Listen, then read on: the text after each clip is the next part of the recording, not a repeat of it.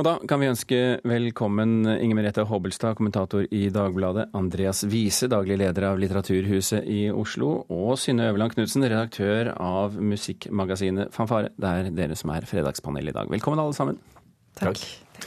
Vi hopper eh, rett inn i kunstens verden, for det er denne uken så har vi diskutert eh, hvorvidt vanlige folk selv må få lov til å avgjøre hvilken kunst som skal henge på veggen på offentlige steder, eller utsmykke offentlige steder på annet vis.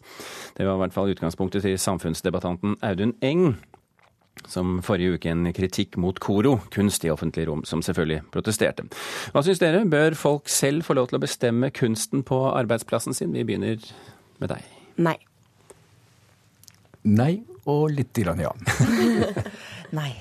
Ingen demokratisering av det. Men la oss nå begynne med Synne Øverland Knutsen. Hvorfor skal ikke folk få lov til å bestemme der de er selv?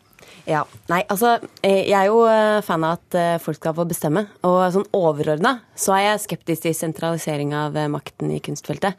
Men det som er bra med en offentlig institusjon, det er jo i hvert fall at man er underlagt noen krav om sånn ja, spredning i geografi, kjønn og hvor, man, hvor innkjøpene kommer fra. da.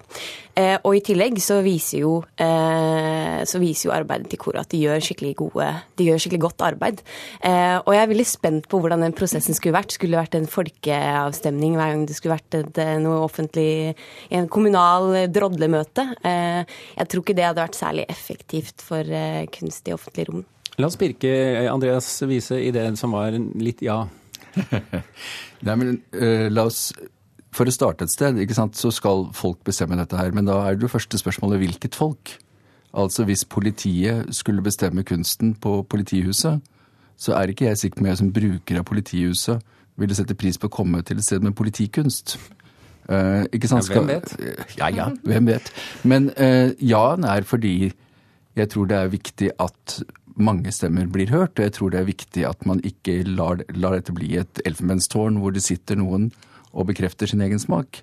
Slik at man kanskje er noe av problemet at disse tingene faktisk lett monopoliserer seg. At man lager store systemer hvor alt foregår på samme måte. Og at det ville være lurt å la mange blomster blomstre. Men hovedregelen må være at det må være et offentlig system for å kjøpe en kunst til offentlig bygg, fordi den kunsten skal representere offentligheten.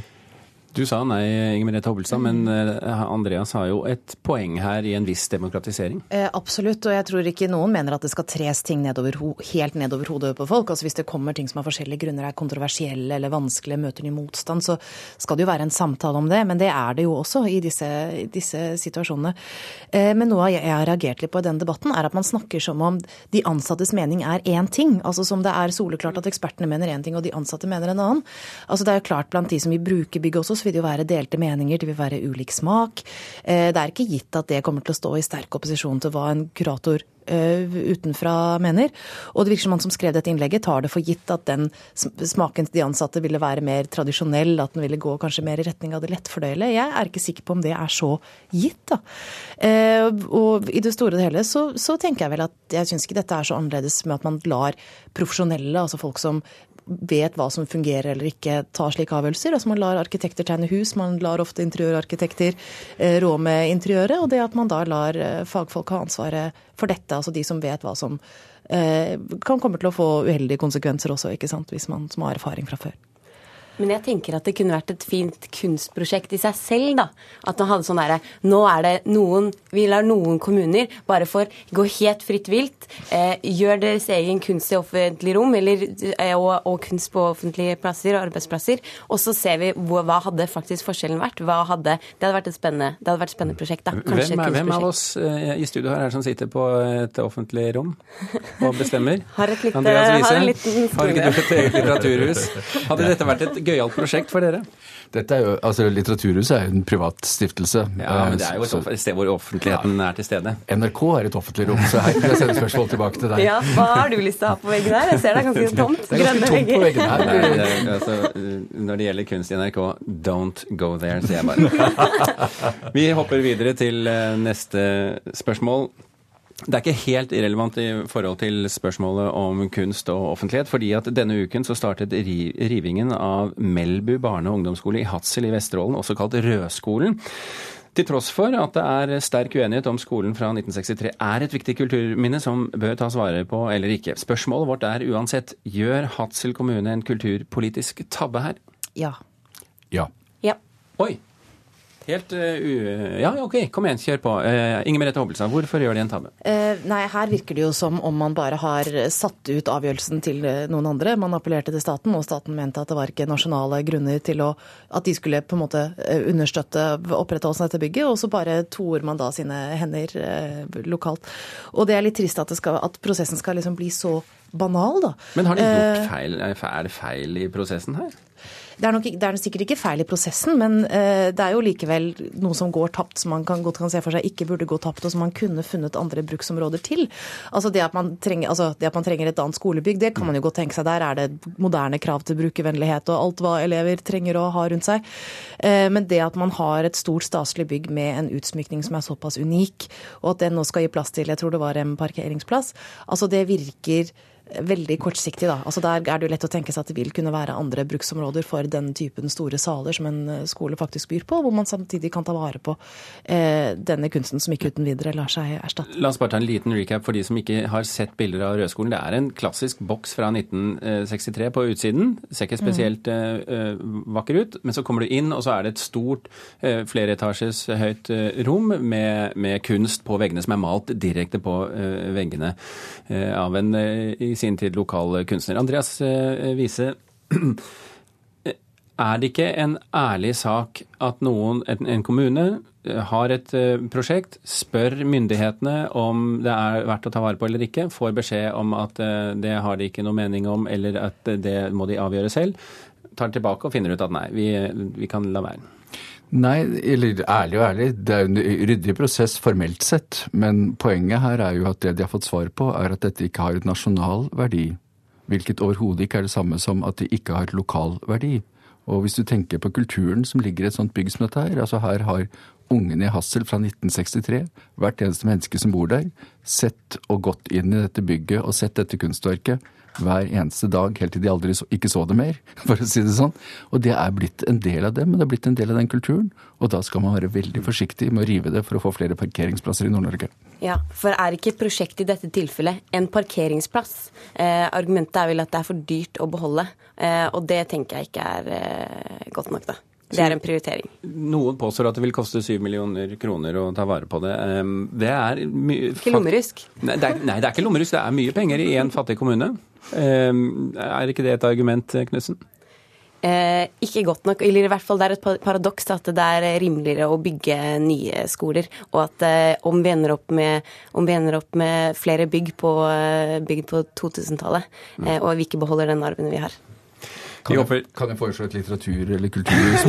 Ja, du kan det. De har et ja. kulturhus i Melby, da. Ja, det har de. Ett til. Et til. Litt filial på Ok. Eh, Fire av ti jenter på 16 år eh, fikk vi vite denne uken har opplevd å få uønskede seksuelle kommentarer på nett det siste året. Det er et av hovedfunnene i Medietilsynets rapport om barn og unges mediebruk. Seniorrådgiver i Medietilsynet sier ungdommene er redde av de seksuelle kommentarene de får, og spørsmålet vårt er er det blitt sånn nå at vi bare må leve med det? Nei. Nei, vi må ikke akseptere det, men ja, vi må akseptere at synden finnes her i verden. Nei. Eh, Knutsen. Nei. Hvorfor, eh, hva tenker du å gjøre? Hva jeg tenker å gjøre med dette? Eh, ja. Hvis du ikke skal Eh, leve med det. Ja. Nei, det er jo en utfordring det siden den har eh, vært siden eh, vel eh, Vi sliter litt med å eh, implementere straffelov osv. osv. Men det er fortsatt litt sånn her Oi! Internett kom, og vi skjønner ikke helt hva vi skal gjøre med det. Og det tenker jeg sånn eh, det, nå, det, Internett kom, ja, og det er vi klar over, og det har vi vært klar over lenge. Eh, men i første omgang tenker jeg straffeforfølge det. Anmelde det, og så må det straffeforfølges. Vise synden er ikke ny, sier du.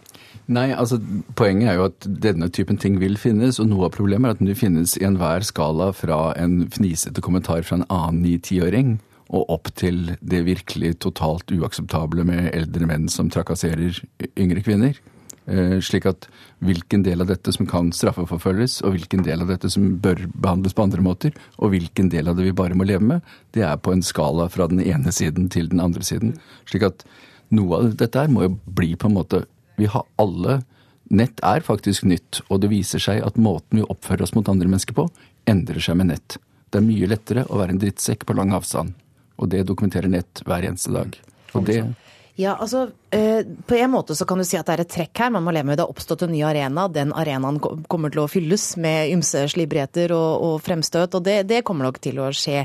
Eh, det man ikke skal finne seg i, det er jo, for, som det bl.a. Eh, kommer frem i denne rapporten, at unge jenter sender nakenbilder av seg selv i stor grad fordi de føler seg presset til det til andre. Og, men dette innebærer jo også at man bør altså, få gjennom et nytt normsett. Da, ny på en måte passe på at man øker bevisstheten om at det som teller, er der er hva du vil. Altså hvis, Samme hva noen ber deg om seksuelt. ikke sant? Hvis du ikke vil, så er det det som skal telle. og Da må man lære å sette de grensene. Antagelig lære å sette dem i mye yngre alder enn før. Og også passe på å ha bevisstheten om det når det gjelder kommunikasjonen i alle sine former. da, også her. Men det som i hvert fall, når det finnes på nettet, så er det jo i hvert fall mulig å dokumentere. Eh, mm. Sånn at eh, muligheten for å faktisk eh, ta en vurdering på om det er gråsonetilfelle, eh, er, er, mulig å gå etter i sømmene. Eh, og det, der har man en jobb å gjøre. Hvis ikke så mister man tilliten til rettssystemet også. Men samtidig er det klart, når dette har skjedd med 40 av jentene der ute, så har politiet en stor arbeidsoppgave for seg når de skal spore opp hver enkelt eh, overgriper i denne saken. Men er det egentlig et, uh, litt positivt at det kommer ut og syns? Og er tilgjengelig på sett og vis alt dette grumset? Altså at, vi, at, det nå blir en debatt om det, at det kommer opp at man blir klar over det? Eller at, at, disse, at, at, synden på en måte kommer frem og syns. Så vi kan gjøre noe med den, faktisk. Jo, men det, det, dette, det er ingen tvil om at dette skjer i større grad enn før, fordi nettet er annerledes og gir større mulighet. Mulighet er, eh, er, ordet. Vi har eh, ikke flere muligheter i dette panelet. Eh, det er slutt. Tusen hjertelig takk, Inger Merete Hobbelstad, Andreas Wiese og Synne Øverland Knutsen.